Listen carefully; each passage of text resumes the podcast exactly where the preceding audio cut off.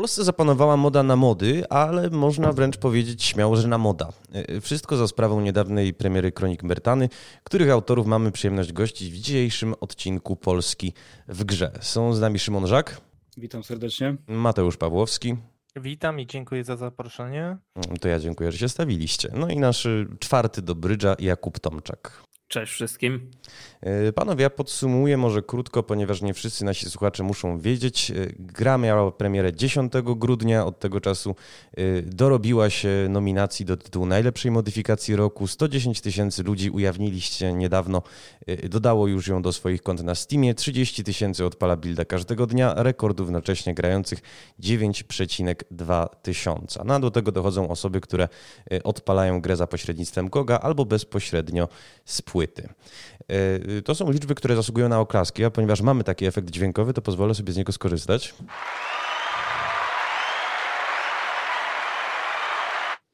I nie przedłużając, e, chciałem Was zapytać, to będzie chyba najkrótsze pytanie w historii naszej audycji, jak? Znaczy, no. Mi się wydaje osobiście, że mm, ten sukces, o ile można to tak nazwać, e, kronik, zawdzięczamy temu, że Kroniki Martany są jakby taką celebracją wszystkiego, czym Gothic 2 był i jest. I też nie próbuje udawać y, czegoś zupełnie innego, całkiem zmieniać mechanik, systemu walki czy czegokolwiek innego. Oczywiście wprowadzamy pewne usprawnienia, y, zarówno mechaniczne, ale patrząc na, na to, y, jaki był odzew od społeczności Gotika, ludzie byli bardzo spragnieni takiej przygody, nowej przygody w takim starym, dobrym, gotikowym świecie i w takim właśnie starym, gotikowym stylu. Yy, powiedział Mateusz, że to jest celebracja tego, czym gotik był, aczkolwiek nie da się ukryć, że trochę wam no, ością w gardle ten gotik. To znaczy pije do tego, że silnik z Engine, na którym oparty był zarówno oryginalny gotik, jak i y, jego sequel, a później Noc Kruka, no nie jest rozwijany już od 20 lat. Y, co więcej, z tego, co słyszałem, bo, bo, mieliśmy już okazję wcześniej rozmawiać, e, stwarzał problemy chociażby, jeżeli się pojawiały na ekranie wysokopoligonowe e, modele, czy jeżeli stanęliście przed taką sytuacją, że na przykład dwie osoby mają e, przemawiać jednocześnie do Marwina, do którego zresztą zaraz wrócimy. Jak te ograniczenia udało się obejść? Ogólnie no to, tak jak powiedziałeś, jest to dosyć toporna technologia i tak naprawdę podczas całego procesu produkcji przez te 4 lata to była ciągła walka, ciągłe testowanie, ale dzięki temu naszemu zespołowi udało nam się ogarnąć jakby taki system pracy, który pozwolił na, na po prostu pogodzenie tych wszystkich ograniczeń z naszą własną wizją twórczą i udało nam się w końcu okiełznać w jakiś sposób ten silnik. Mieliśmy dużo moderów, którzy mają już jakieś, jakieś doświadczenie w moddingu, ale w sumie to najciekawszą rzeczą w tym naszym zespole jest to, że większość osób, śmiem twierdzić, nie było nigdy moderami i tak naprawdę to były, były takie osoby z ulicy wzięte, których e, nauczyliśmy, którym wtłoczyliśmy to, jak działa ten gotik i, i które też dołożyły swoją cegiełkę e, do tego projektu. Ale no, tak jak mówisz, mhm, Mateusz? E, znaczy, mm, pewnych rzeczy na pewno się nie dało na tym silniku zrobić i pewnych, e, i pewnych rzeczy przeskoczyć. Większość rzeczy, które nam się udało, to raczej znaleźć obejście problemu, niż go całkowicie rozwiązać.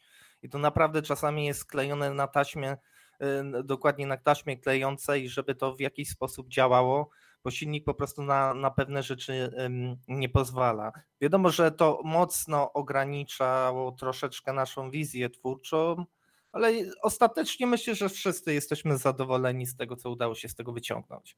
A na co na przykład silnik nie pozwala?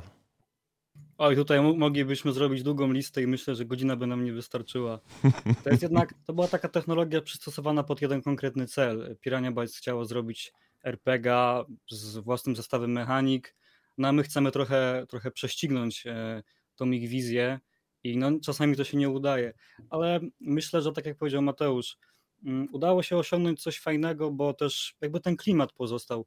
Nie wprowadziliśmy żadnych, e, żadnych nowych, nowoczesnych mechanik do gry, nie zmieniliśmy jej, jej core gameplayu, to pozostało takie samo i dlatego też myślę, że odbiór graczy jest, jest taki fajny, bo, bo widzą w tym gotika, widzą, że widzą ten stary, stary toporny silnik, którym, w którym zagrywali się w Gotika 1 i Gotika 2 te 20, 20 parę lat temu.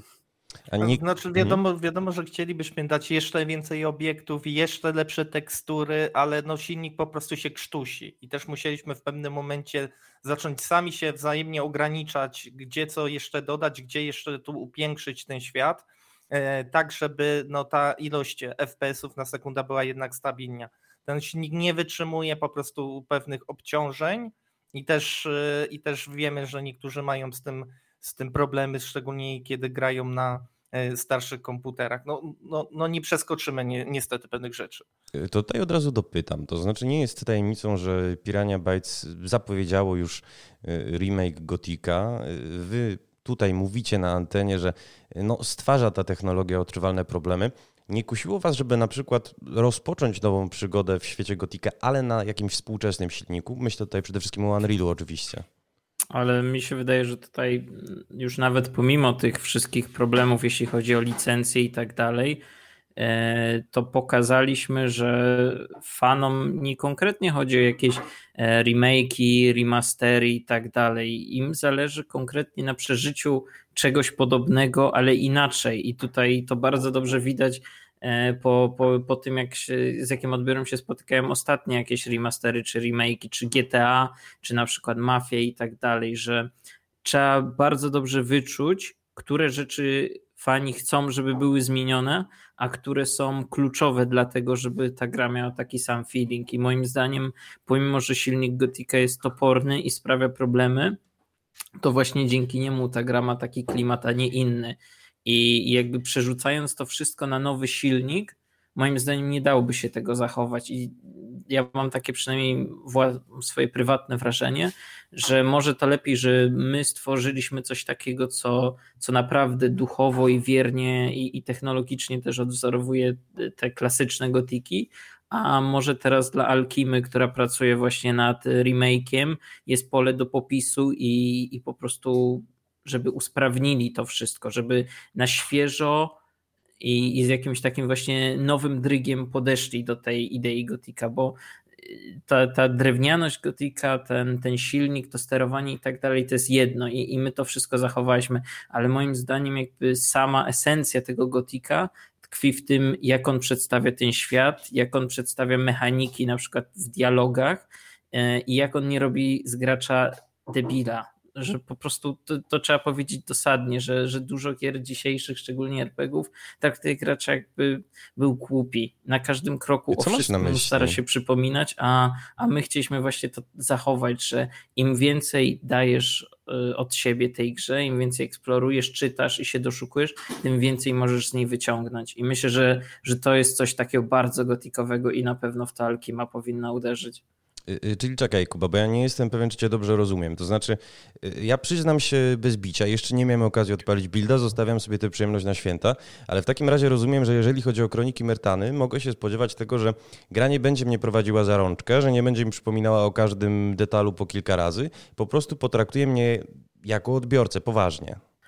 Mm, na pewno, jeśli będziesz chciał szukać informacji i pomocy, to ją znajdziesz, no bo jest ten system dziennika i w nim e, staraliśmy się zawsze dość dokładnie wszystko opisać, ale tak jak w klasycznym gotiku nie ma żadnych markerów na mapie, nie ma żadnych wskaźników, przypominajek, tak naprawdę tyle, ile sam wyszukasz w tych dialogach, czy, czy później wertując sobie wpisy, to, to tyle będziesz wiedział o tym questie. Często są drobne rzeczy, które można gdzieś wyłapać z dialogów, które nie trafią później nigdzie do dziennika i to może spowodować, że outcome zadania będzie inny, bo odkryjesz coś dodatkowego. Także trzeba uważać na każdym kroku i im grasz bardziej skupiony i zwracasz uwagę na detale, no to tym więcej tego wszystkiego można znaleźć. Y, dobrze, że wspomniałeś o markerach, bo to jest taka kwestia. Y, projekt zbiera naprawdę rewelacyjne oceny. Też naszym słuchaczom mm, dopowiem, że 98%, jeżeli nie, nie mylę się, dalej na Steamie jest y, tych ocen pozytywna. Natomiast markery to jest taka kwestia, która no nie chcę mówić, że wam zrobiła zły PR, ale się pojawiają negatywne komentarze na ich temat, bo wydaje się, że teraz to jest gatunkowy standard. No tylko pytanie, do kogo ta gra była kierowana, bo jeśli kierujemy ją faktycznie tylko do, do świeżych graczy i do nowych, to tak, moim zdaniem ciężko jest zrobić grę bez markerów, bo ludzie są już tego nauczeni. Ale my chcąc jakby stworzyć coś, co odda tego ducha gotika, nie mogliśmy sobie na coś takiego pozwolić. I moim zdaniem to wpływa bardzo mocno na to, jak się eksploruje świat. Ja się przyznam osobiście, że grając na przykład w Cyberpunka czy Wiedźmina, to miejsca, które były pomiędzy znacznikami na mapie, no po prostu przebiegałem czy przejeżdżałem, bo uznawałem, że tam nie może być nic ciekawego, bo gdyby było, to by było zaznaczone. A Gothic sprawia, że ty za każdym rogiem szukasz czegoś, wypatrujesz, zastanawiasz się, co tam może być odkryte i często nawet jak coś tam znajdujesz, to nie wiesz, czy tam może jakaś mała historia była, czy ktoś na ciebie wyskoczy z za rogu i, i to sprawia, że bardziej żyjesz tym światem, a nie tylko zaliczasz znaczniki. Mogę się z tym zgodzić. Rzeczywiście może coś nam umknęło w ogóle w ewolucji RPGów e, e, przez te wszędzie bylskie znaczniki, ale poruszyłeś, Kuba, bardzo ciekawą kwestię, nad którą bym się na chwilę zatrzymał, mianowicie jakie jest audytorium w ogóle tego moda? To znaczy, kto w 2021 e, gra w Gotika, jaki to jest typ odbiorcy, czego on oczekuje, a czego nie wybaczy? Nie wszyscy naraz. Czy to jak się nikt nie podejmuje, to ja znowu mogę odpowiedzieć.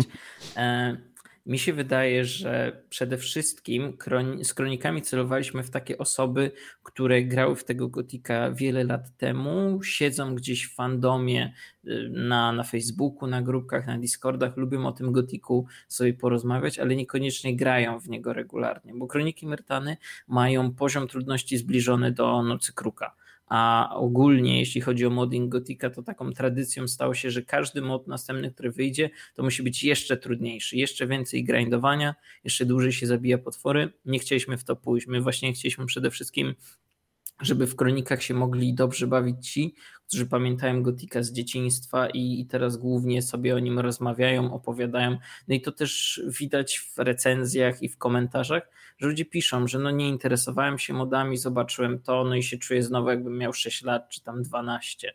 Więc taka, tak, taki nasz główny zamysł myślę, że się spełnił. Ale też ludzie, którzy grają w tego gotika cały czas i, i lubią wyzwania, myślę, że coś dla siebie mogą znaleźć. Jasne, mechanicznie i jeśli chodzi o walkę, to będzie łatwiejsze i mniej skomplikowane niż takie powiedzmy Dark Soulsowe mody, gdzie co chwilę giniesz, ale my chcieliśmy zaoferować dobrą przygodę i, i coś na, na wzór wehikułu czasu. Rozumiem, czyli nie chodzi o poruszenie tej hardkorowej, gotikowej społeczności, tylko tych ludzi, którzy tak jak ja, no właśnie, dorastali z tą grą, chcieliby sobie ją przypomnieć, e, no ale w trochę bardziej nowoczesnym wydaniu. I tak, skoro już o tym nowoczesnym wydaniu, to nie da się ukryć, że co prawda no, korzystacie z tej technologii dwudziestoletniej, y, ale pozwalacie sobie na różne śmiałe reformy. I zastanawia mnie już po premierze projektu, kiedy konfrontujecie się na co dzień z opiniami, jako się rzekło, zazwyczaj bardzo przychylnymi y, waszych fanów, waszych odbiorców, co uważacie za największy taki właśnie reformatorski sukces względem oryginału? Myślę, że z historii jest dużo bardziej dojrzalsza niż w oryginałach i to ludziom się rzeczywiście podoba. Nigdy nie celowaliśmy w taką historię o wybrańcu, który będzie zabijał to, tabuny wrogów i ratował świat. My raczej celowaliśmy w bardziej przyziemną historię i też mieliśmy sporo obaw przed premierą, czy ta historia się wśród y, fanów y, przyjmie. I dzisiaj jak czytam komentarze, że ludzie traktują tą historię jako kanoniczną w tym uniwersum, no to dla twórcy chyba nie ma większej nagrody, jak usłyszeć coś takiego. Nie da się też ukryć, że zrobiliście bardzo wiele, żeby ta historia sprawiała wrażenie kanonicznej. To znaczy, samo Archolos się pojawia w tomie przepisów w Gotiku. Pozwolę sobie zacytować. Najzacniejsze winogrona znajdziecie na wysokich zboczach Archolos. E, no, jest to wzmianka, którą oczywiście obudowaliście autorskim kontekstem. I może w takim razie opowiedzcie mi trochę w ogóle, czym to Archolos jest, kto tam rozdaje karty i czy ta gra jest odczytywana w, no, w sposób współczesny. To znaczy nie da się ukryć, że traktuje ona w jakiejś mierze o kryzysie uchodźczym i tak się akurat stało przypadkiem, że no, zbiegła się z wydarzeniami na naszej wschodniej granicy jej premiera. A to jest w ogóle zabawna historia z tym, E, bo w sumie jak zaczynaliśmy robić e, modyfikacje, jak wymyślaliśmy ten rys scenariusza, to, to wtedy też był powiedzmy jeden z takich kryzysów uchodźczych, ale co ciekawe, no jakby się tym nie inspirowaliśmy. Dla nas to zawsze bardziej było, e, wyszliśmy do tego tematu z perspektywy okej, okay, jest wojna z orkami, mamy Myrtanę, mamy gdzieś bezimiennego, mamy te wszystkie epickie walki ze smokami, ratowanie całego świata, ale co się dzieje z resztą królestwa? Gdzie są ci ludzie, którzy wykuwają te bronie dla tych armii? Gdzie są te wyspy, z których zabrano tych wszystkich ludzi do, do, do wojska?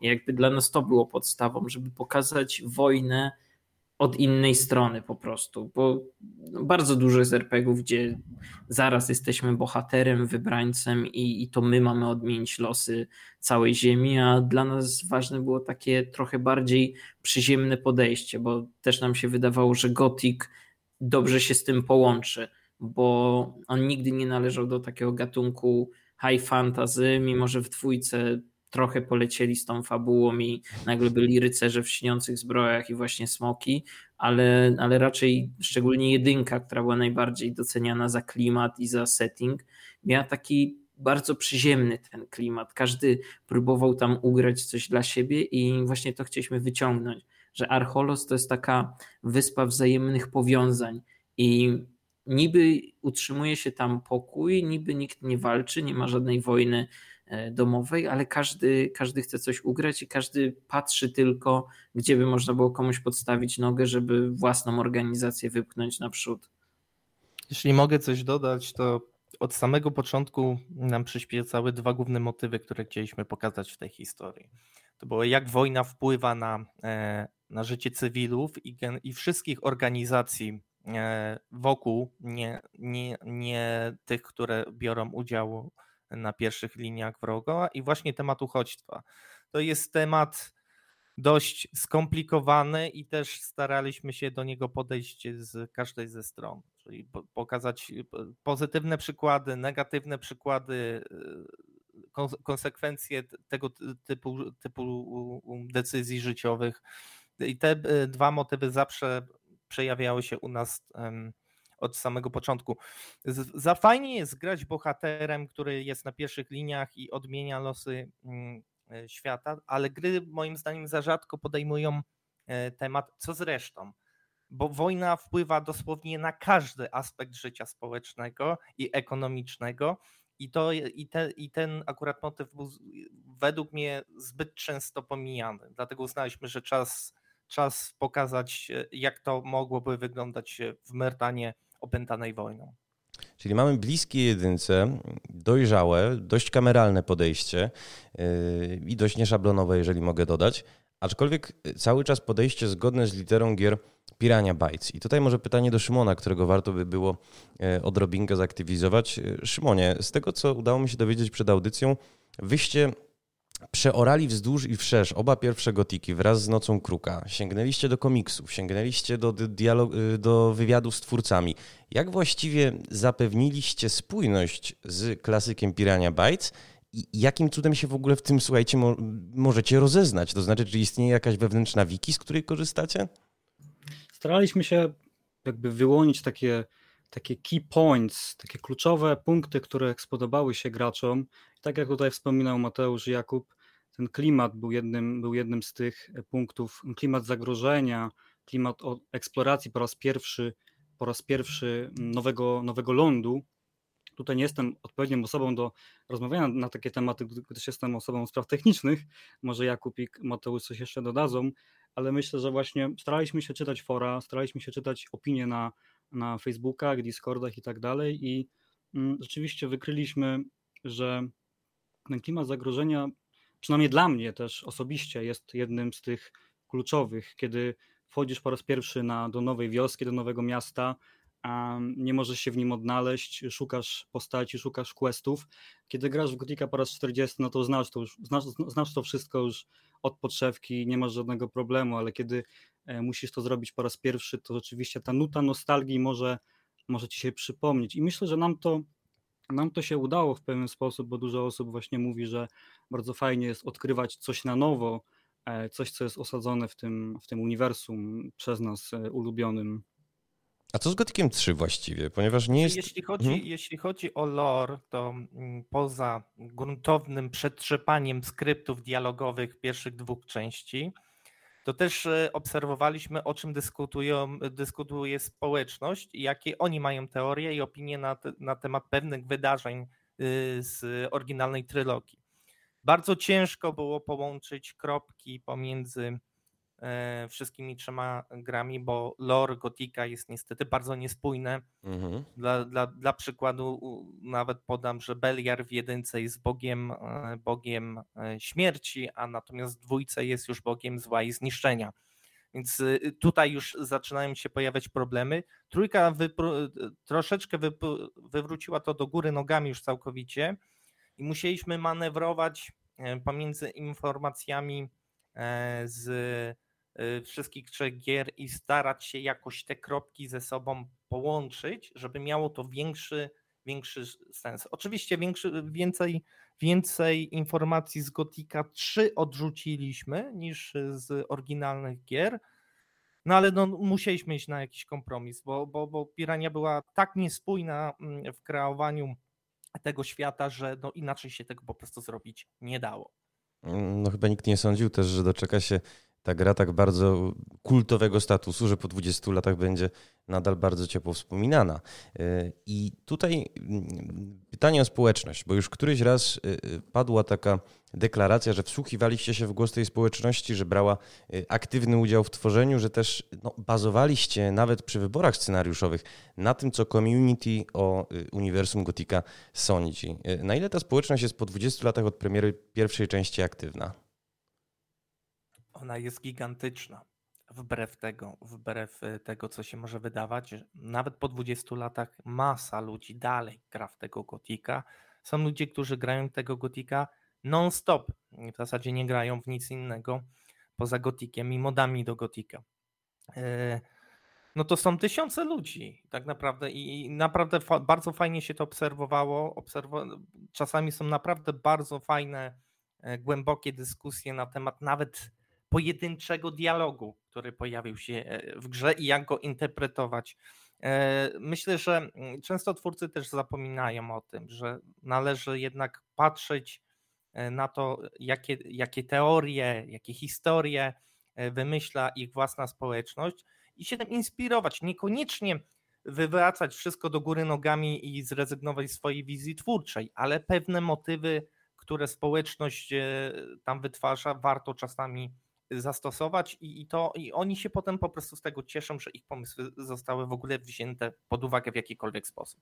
A to się też fajnie łączy w sumie z jednym z questów, które mamy w kronikach i z którym też jest e, związane osiągnięcie, E, to będą perły wody, bo jakiś czas temu pojawił się właściwie taki mem na jednej z grup związanych z Gotikiem, którą regularnie śledziliśmy, gdzie wymyślono po prostu sobie, że w Gotiku 2 istniał taki przedmiot i że jest potrzebny do questa i cały czas tworzono nowe pomysły, jakie można zdobyć, komu je trzeba oddać. No i po prostu tak nam się to spodobało, że stwierdziliśmy, że no uhonorujemy tą grupkę i nazwiemy jej nazwą e, osiągnięcie, które otrzymujemy za wykonanie właśnie questa związanego z tymi perłami wody. No i jak później się przyglądaliśmy temu, no to rzeczywiście no, zrozumieli to odniesienie, Odczytali. docenili i, i spodobało im się to. Nie jest też tajemnicą, że wy się w ogóle ze społeczności e, wywodzicie. Chyba Mateusz wspomniał zresztą, że nikt wcześniej z was moderem nie był. E, I trochę chciałem się cofnąć w ogóle do początków tej inicjatywy, bo tutaj padło w tej rozmowie hasło, że e, kroniki Myrtany są tworzone od lat czterech, natomiast no, korzenie projektu, jeżeli się nie mylę, sięgają roku 2015, kiedy no, jeszcze pod egidą Soulfire tłumaczyliście zagraniczne modyfikacje. No i zamarzył wam się własny projekt. Natomiast i tutaj musimy nawiązać do pewnej bolesnej e, historii, bolesnego epizodu, jeżeli chodzi o rozwój tego projektu. Mm, no, nastąpił konflikt z Piotrem Darkiem Czołnowskim. E, no, konflikt się zresztą rozlał po social mediach. No i w pewnym momencie doszło do schizmy, narodziły się dwa projekty, Dzieje Korinis, z którymi nie wiadomo właściwie, co się dzieje po tylu latach, no i Kroniki, które miały premierę, jako się rzekło, 10 grudnia. E, Mateusz mówił w rozmowie z CD Action, wynotowałem sobie zdanie, bo sam zresztą tę rozmowę prowadziłem. Nic lepszego jak ten rozłam nie mogło się wydarzyć. Podtrzymujesz? Podtrzymuję cały czas to zdanie, dlatego że e, w momencie, w którym mm, zaczęliśmy pracę nad własnym projektem, mogliśmy po, po prostu iść e, wizją, którą sami wymyślaliśmy. Nie było już żadnych ograniczeń, w, kier w kierunkach y, twórczych, w których moglibyśmy iść i, i, i to nam się udało wykorzystać. Jasne, mm, e, ta, ta, ta spuścizna dziejów Korinis to była jednocześnie nasze przekleństwo i błogosławieństwo, bo mm, odchodząc z tego projektu wiedzieliśmy, że pewne zobowiązania, które padły podczas produkcji dziejów Korinis, przejdą na nas i będziemy musieli dostarczyć dokładnie to samo, co tamten projekt obiecał. E, I, i, i, no i chyba to nam się udało. Tak no, wiem, że tam są drobne rzeczy, które, o których mówiliśmy w filmach, które ostatecznie się w grze e, nie znalazły, ale w tej skali całego projektu myślę, że to są naprawdę drobne i nieistotne rzeczy. No dobra, Mateusz, ale zostajesz nagle z mniejszym zespołem. Y, z tego co wiem, masę materiałów straciliście. Straciliście, nie wiem, modele, questy, linijki, scenariusze opracowane na poczet tamtego projektu. Co więcej, musieliście nawet zmienić nazwę. To się nie wydaje być dobrą pozycją startową tak naprawdę. Znaczy na początku to oczywiście nie była zbyt dobra pozycja startowa, tym bardziej, że odbiór e, po, po tych wszystkich informacjach social media nie był zbyt e, dobry. Ale tak naprawdę mogliśmy zacząć od początku. To wcale nie wydaje się ta, takim złym rozwiązaniem dlatego że mogliśmy przepisać fabułę całkowicie, iść w kierunku, w którym chcemy. E, questy, e, questy, które straciliśmy, no to umówmy się na etapie, w którym my odchodziliśmy e, z dziełów Korinis, no to ich w grze zbyt wiele nie było. A poza tym potem się okazywało, że część tych questów kompletnie nie pasuje do tego, co chcemy zrobić i one tak czy siak ostatecznie by wyleciały, więc to nie była jakaś strata. Problem był ze światem, bo świat by trzeba, trzeba było Y, przebudować mm, gruntownie i całkowicie. Ale no, mieliśmy, mieliśmy w zespole na tyle ogarnięte osoby, że dosyć szybko sobie z tym y, poradzili. Zespół czy był mniejszy po rozłamie? No, jednak było tak, że no to większość jednak została w naszym projekcie. A, a, a, to też o czym świadczy. Tak, a konkurencyjny projekt praktycznie musiał rozpoczynać rekrutację e, od zera. Czyli zawsze miały świetny PR i przypuszczam, że dzisiaj mają już troszeczkę gorszy. E, zobaczymy, jak będą w stanie się z tego wybronić w tym momencie. Ale ten, ale u nas zostali sami kluczowi ludzie, tak naprawdę. I byli z nami od początku do końca tego projektu, więc akurat to nie było problemem. Raczej problemem były morale, bo po tym całym zamieszaniu w social mediach, no to morale nie były zbyt wysokie i trzeba było jakoś zadbać o zachowanie integralności tego, tego zespołu. My mieliśmy to szczęście, że udało nam się spotkać parę razy na żywo, parę zlotów zorganizować, pogadać, jak to wszyscy widzimy, jak, jak ktoś do tego podchodzi.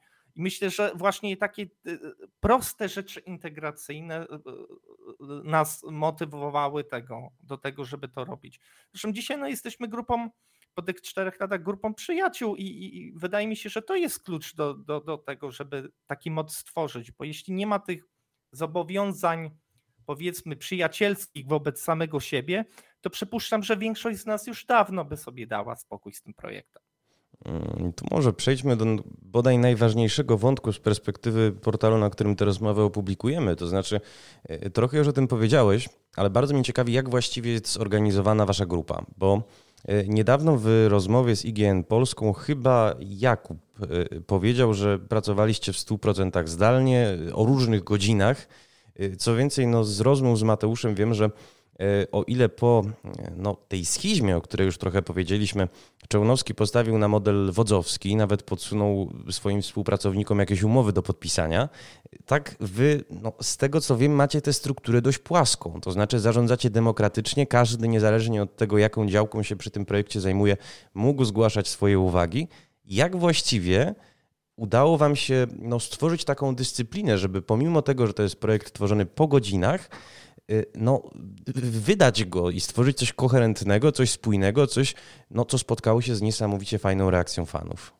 Mi się wydaje, że tutaj kluczem zdecydowanie było zaufanie. Jakby po tym, y, co się wydarzyło wcześniej, jeszcze za czasów dziejów, mm, wszyscy mieli trochę taką awersję do tego, żeby jedna osoba objęła przywództwo i nagle, żeby ona dyktowała, co jak ma być. I postawiliśmy na taki model, gdzie powiedzmy coś z takiej rady koordynatorów, gdzie jest jeden koordynator każdego elementu produkcji, czyli powiedzmy tam scenariusza, dział techniczny, dział 3D, muzyka. E, no i że po prostu to są takie osoby, które razem decydują nad ogólnymi e, działaniami całej naszej grupy, czyli właśnie też nad PR-em, nad decyzjami, z kim współpracujemy, co, co robimy teraz, a po prostu każdy koordynator kierował e, swoim działem i osobami, które tam były mu podległe, czyli na przykład scenarzystami, grafikami 2D, 3D. Mm, no i myślę, że właśnie tutaj kluczem było to, że wszyscy wiedzieli, co kto robi. I, i moim zdaniem to było najważniejsze, bo, bo jeśli na przykład scenarzysta i, i grafik nie mogą ze sobą rozmawiać, nie mogą się porozumieć, to jak mają stworzyć fajny quest o jakiejś farmie na przykład, a jeśli mogą się wymieniać na bieżąco referencjami, dyskutować, to, to właśnie tak się rodzą fajne questy. Na przykład grafik stworzył jakiś ciekawy domek, podsyła jak on wygląda scenarzyście, on wpada na kolejny pomysł, jakie tam zadanie umiejscowić i, i tak to się naturalnie rozwija. Nie ma później problemów e, też z implementacją tego, jeśli skrypterzy na bieżąco i programiści rozmawiają ze scenarzystami i postawiliśmy właśnie bardzo mocno na wolny przepływ informacji, żeby to wszystko krążyło, żeby te, te pomysły tak dojrzewały pomiędzy nami. Ale y, no też trzeba było przyjąć pewne reguły i ramy tego wszystkiego. I, i problemem początkowych etapów y, produkcji kronik były duże niespójności, tak, takiej taka otwarta produkcja i, i, brak takich bardzo ścisłych ram, kto przed kim odpowiada, prowadził do tego, że no niektóre questy się ze sobą nie zgadzały, dialogi miały dużo takich mm, kłócących się ze sobą wypowiedzi. No i niejednokrotnie musieliśmy przerabiać dużo, dużo elementów, żeby je dopasować do siebie. No i wypracowaliśmy sobie taki system, że po prostu jeszcze, jeszcze wyraźniej podzieliliśmy się tymi rolami, kto za co odpowiada. Już wiedzieliśmy, co kto z nas umie najlepiej, z czym sobie słabiej radzi i, i po prostu no, ufaliśmy sobie. Ja tak y, na przykład właśnie Mateuszowi powierzyliśmy całkowicie sprawę z dubbingiem i, i to on się tam zajmował w głównej mierze castingiem i tak dalej. I na przykład jego zdanie odnośnie tego, kto ma kogo dubbingować, było ostateczne. Ja na przykład zająłem się reżyserowaniem gry i pomimo, że często koledzy nawet z działu programistycznego czy scenariuszowego nie byli do końca przekonani, e, że coś ma być tak i tak, to, to było to zaufanie i mówiłem im, że zobaczycie, jak będzie całość jak to nie będzie grało dobrze, to wtedy zmienimy, ale na ten moment musimy to dopracować w ten sposób. I tak samo z Szymonem dyskutowaliśmy, co w ogóle technicznie da się zrobić, a co nie. I, I, tak myślę, że dorastaliśmy wszyscy w tym zespole. Ten, ten system nie był na początku idealny, ale myślę, że idealnie go wykorzystaliśmy na samym końcu. Tutaj myślę, że warto dodać, dodać i powtórzyć to, co mówił Mateusz, że jakby nasza relacja koleżeńska, wręcz przyjacielska bardzo w tym pomogła, no bo zostało to zaufanie, została jakaś tam sympatia, no i po prostu wszyscy się lubiliśmy, a gdy coś takiego zaistnieje, no to łatwiej się pracuje po prostu, nie? Co nie obyło się też bez jakichś ostrzejszych wymiany zdań czy drobniejszych konfliktów, ale to zawsze było rozwiązywane na zasadzie zaufaj mi w tej kwestii. I po prostu się na to godziliśmy, ok, skoro twierdzisz, że to będzie dobre, no to ufam ci i zobaczymy, jaki będzie tego efekt. I, i to się zawsze sprawdzało.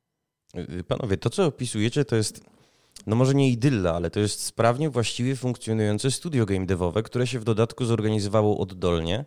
Y, Zastanawia mnie, jak wielu z was miało wcześniej w ogóle w game devie jakiekolwiek doświadczenie i jak wielu z was podczas produkcji moda y, znalazło pracę, no bo nie jest tajemnicą, że to jest naprawdę kapitalny wpis w CV, jaki sobie zrobiliście wspólnie. A czy są u nas osoby, które w trakcie już powstawania Kronik Martany Y, znalazło pracę w game devie i to naprawdę w poważnych studiach. Tutaj nie wiem, czy Szymon się chce chwalić, ale Szymon już miał jakieś y, doświadczenie i, i też Szymon zdobywał poważne doświadczenie podczas y, kronik. Także te rozwiązania, które mm, chłopaki przynosili z game devu, czasem próbowaliśmy implementować i, i to skutecznie u nas. I te rozwiązania, które rzeczywiście w game się pojawiały, one nie, nie są tam przypadkiem i u nas dokładnie tak samo się sprawdzały.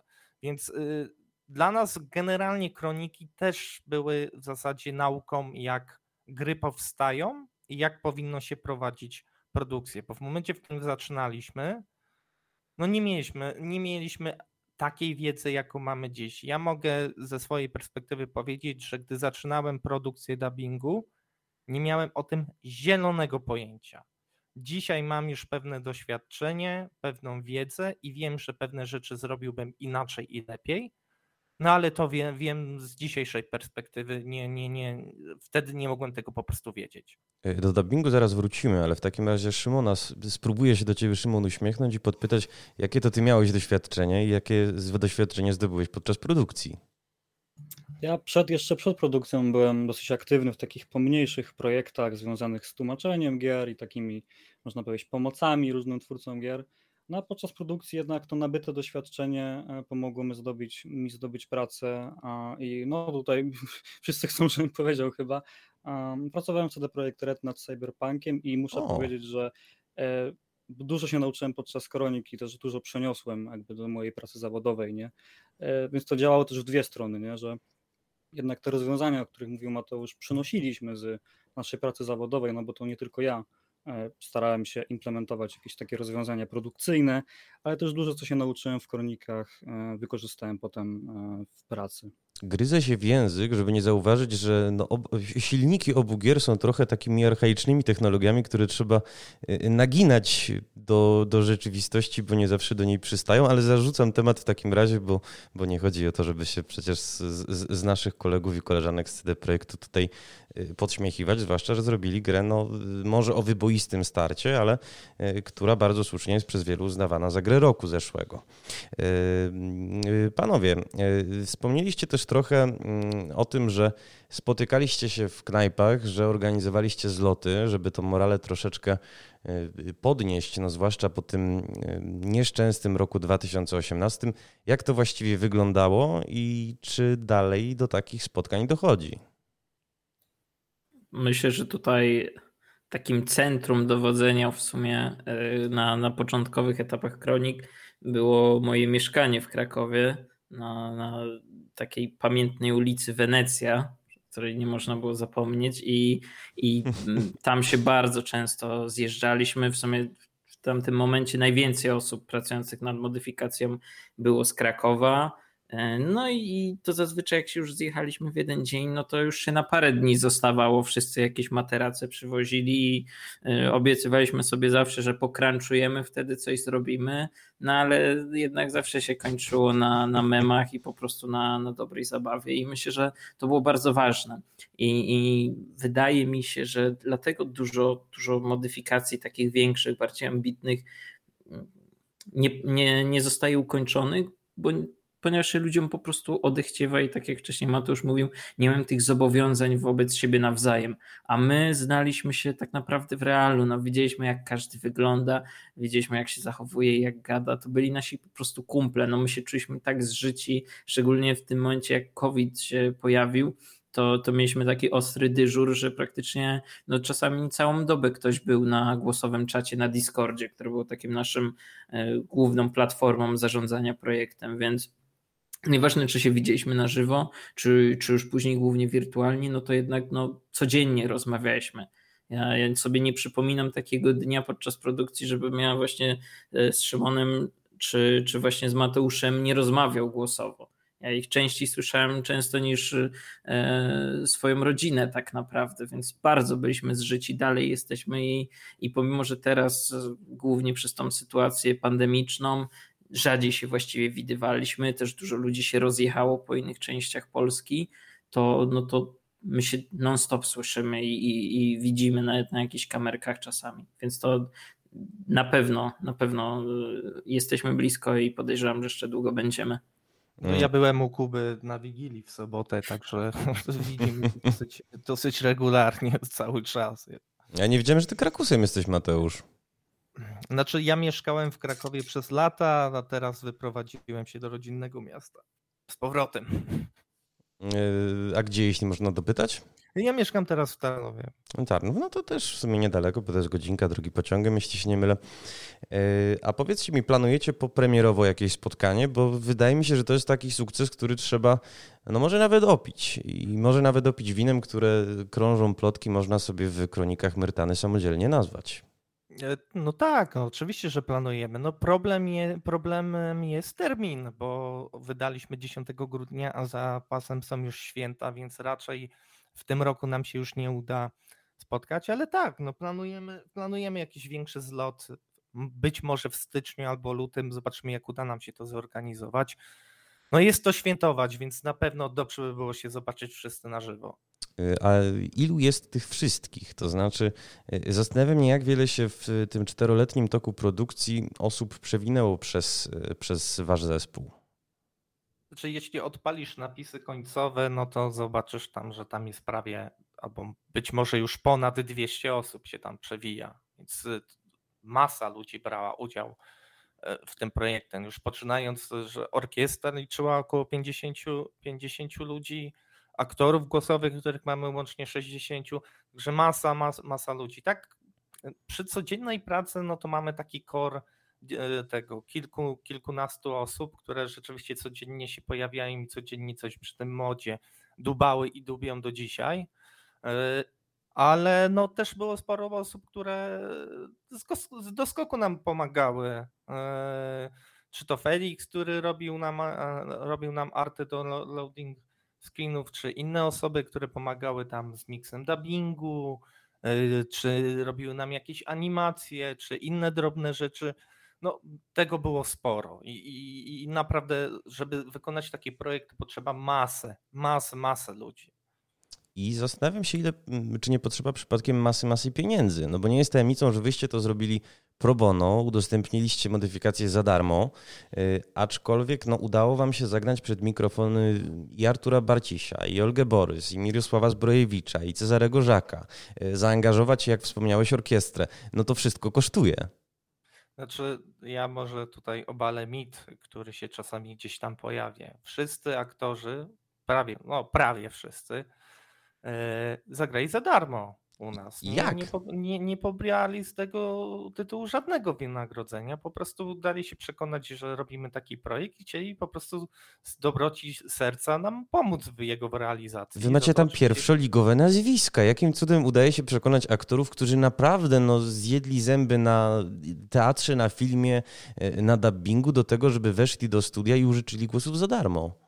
Znaczy, wydaje mi się, że e, aktorzy tak wysokiej klasy, e, jeśli tak mogę to ująć, e, no oni, umówmy się, oni mają już nazwiska wyrobione i, i taki projekt raczej, raczej nie zadziała na nich jakoś promocyjnie. Tak przynajmniej mi się wydaje.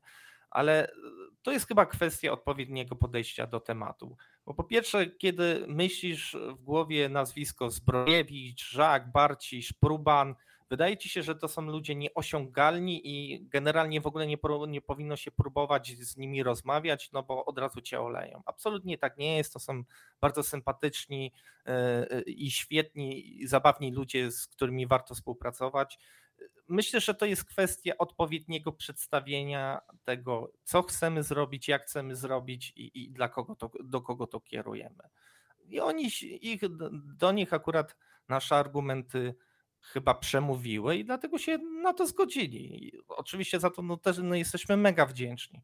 No, poza oczywiście tam główną obsadą, no to trzeba wspomnieć o, o, o całej reszcie, bo to na tym obsada się nie zamyka. To są świetni młodzi aktorzy z różnymi doświadczeniami, czy to teatralnymi, filmowymi, czy serialowymi i oni część z nich też była jakoś zajawiona, czy dalej jest gotikiem i, i, też, i też chętnie wzięli w tym wszystkim udział.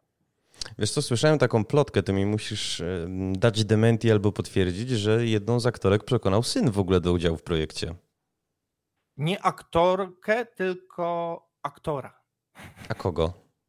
E, z tego, co rozmawialiśmy z panem Arturem Barcisiem, to jego syn przekonał do, o to, do tego, żeby y, zagrał u nas. Mówił, że tato to jest gotik, ty koniecznie musisz wziąć w tym udział. I pan Artur się zgodził i też muszę przyznać, że bardzo profesjonalnie był bardzo zaangażowany y, y, tego wszedł, proszę mi pokazać postać. Nie, nie, tak tego nie gramy, to jest poważny facet, ja to zagram inaczej. I, i, i myślę, że efekty tego słychać. A czego ty się w ogóle o dubbingu nauczyłeś? Bo powiedziałeś, że gdybyś, y, wspomniałeś, będę teraz parafrazował, że gdybyś teraz przystępował do sesji y, dubbingowych, zrobiłbyś pewne rzeczy zupełnie inaczej. Znaczy przede wszystkim to kwestia organizacji produkcji. E, jak zaczynałem, to, to nie do końca wiedziałem, jak zabrać się za tak ogromne przedsięwzięcie, bo to było jednak 50 tysięcy kwestii do nagrania. E, na pewno bym inaczej dzisiaj próbował pozyskiwać aktorów niż pozyskiwałem.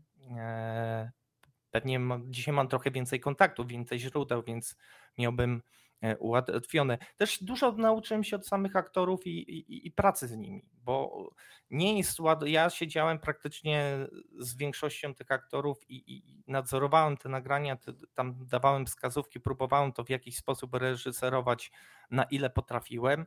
I myślę, że po pracy z tak doświadczonymi e, aktorami dzisiaj wiem, jak można by było ich poprowadzić lepiej, tak? Tylko też trzeba wziąć pod uwagę, że nas trochę czas ograniczał, budżet i, i, i miejsca, w których, w których te dialogi nagrywaliśmy, więc nie wszystko się dało zrobić e, idealnie. No myślę, że gdybym miał, gdybym miał trochę budżetu i, i, i to doświadczenie, które mam dzisiaj, no to efekt byłby wyraźnie lepszy.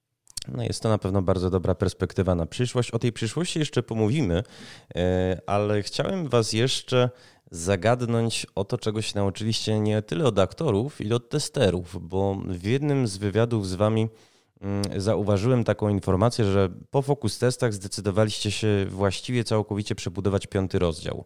E, dlaczego? To znaczy, co oni zgłaszali i, i, i co było w ogóle w tych segmentach takiego e, no, uwłaczającego projektowi, że, że wymagało kompletnej przebudowy.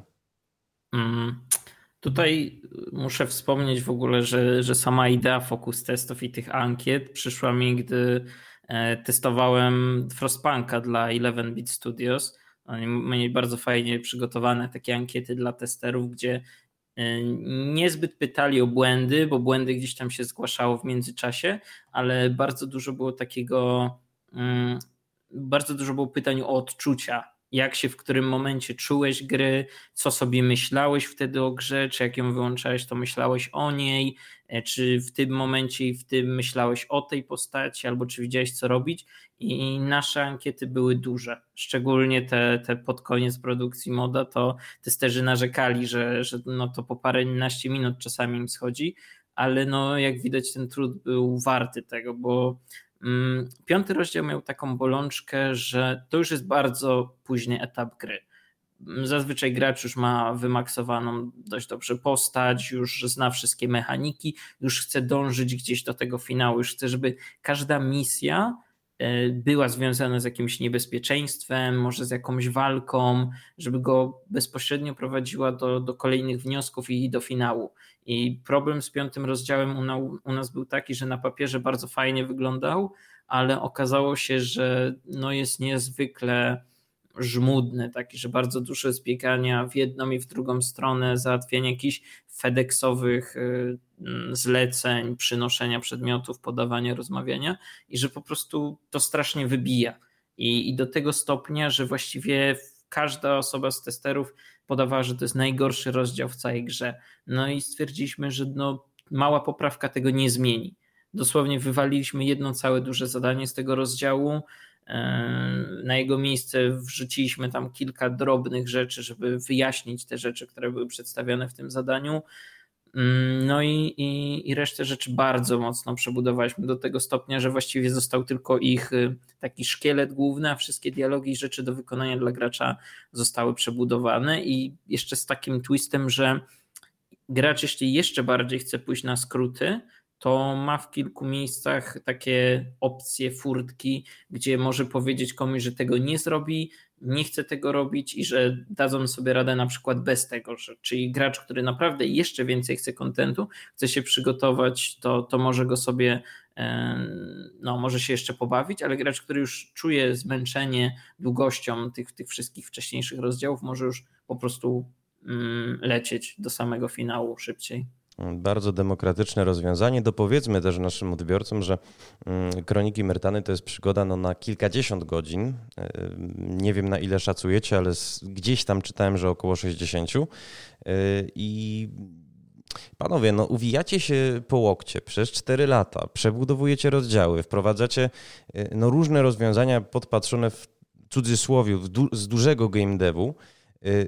Chciałbym, żebyśmy wielkimi literami powiedzieli, czy wy pracowaliście pro bono, pobieraliście jakieś wynagrodzenie za to? No raczej dokładaliśmy do interesu przez cały okres produkcji. No właśnie słyszałem, że podobno nawet ta opcja gry bezpośrednio z płyty was trochę kosztowała.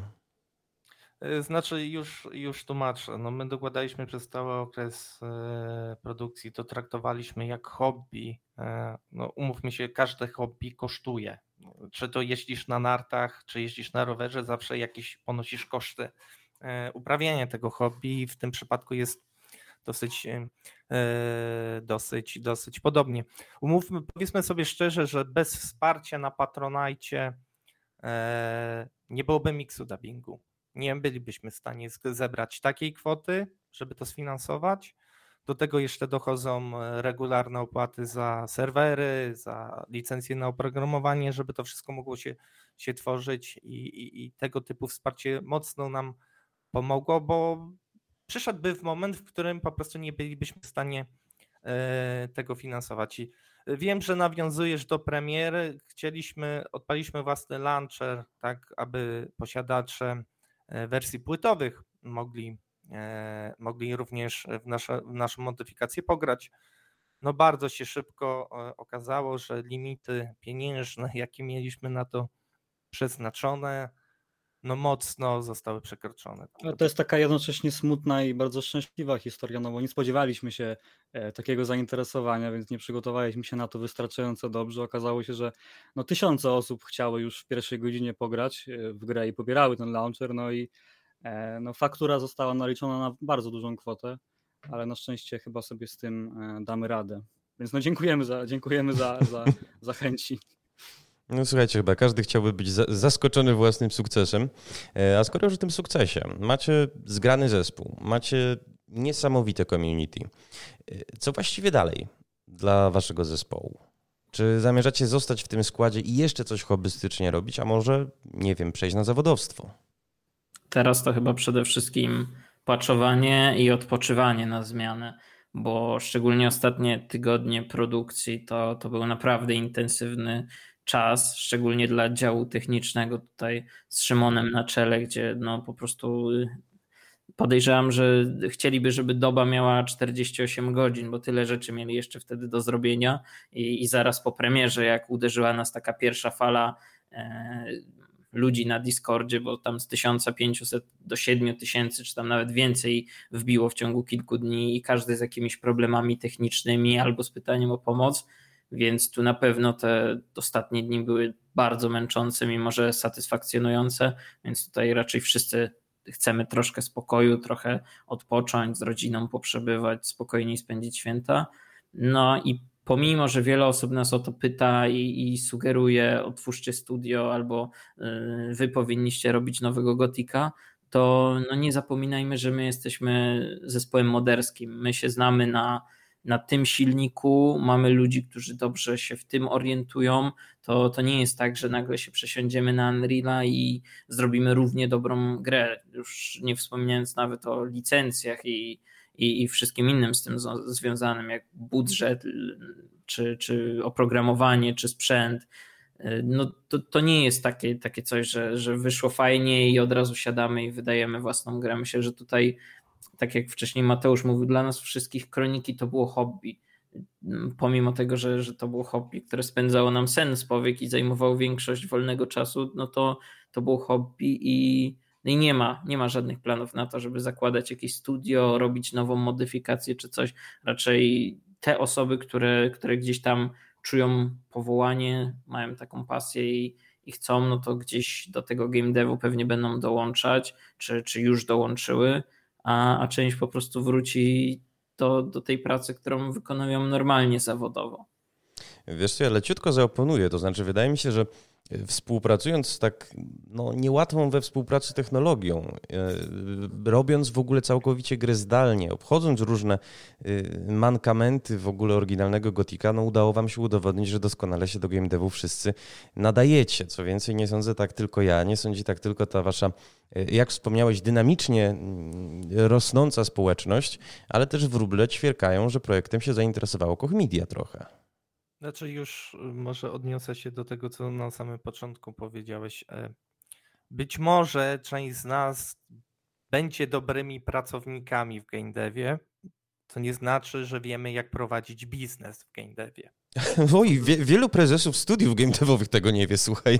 E, więc y, to jest zupełnie, zupełnie dwie, dwie różne rzeczy, bo wydać modyfikację a, a prowadzić już studio game devowe wymaga total, ogromnej wiedzy i naprawdę sporej wiedzy biznesowej, żeby to, mm, żeby to jakoś ugryźć.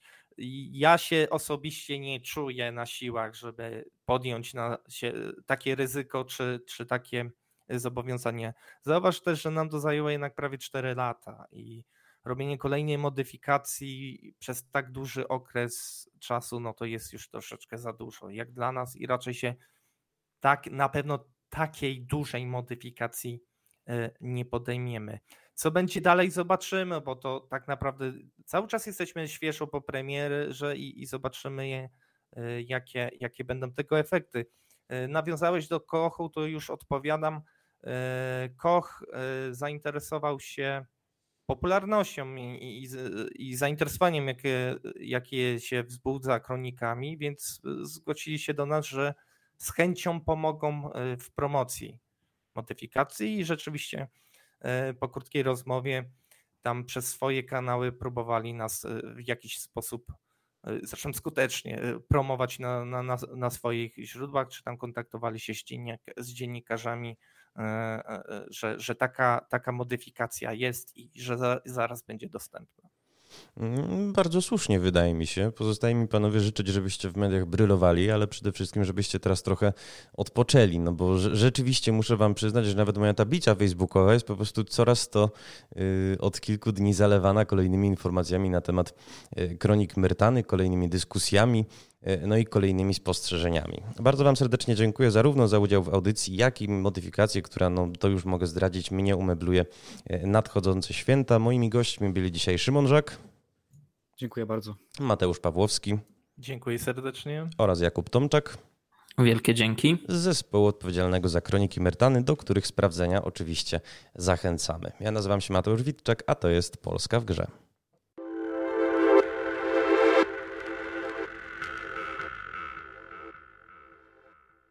Podcastu wysłuchaliście dzięki wsparciu State of Poland, totalizatora sportowego i KGHM Polska Mieć SA.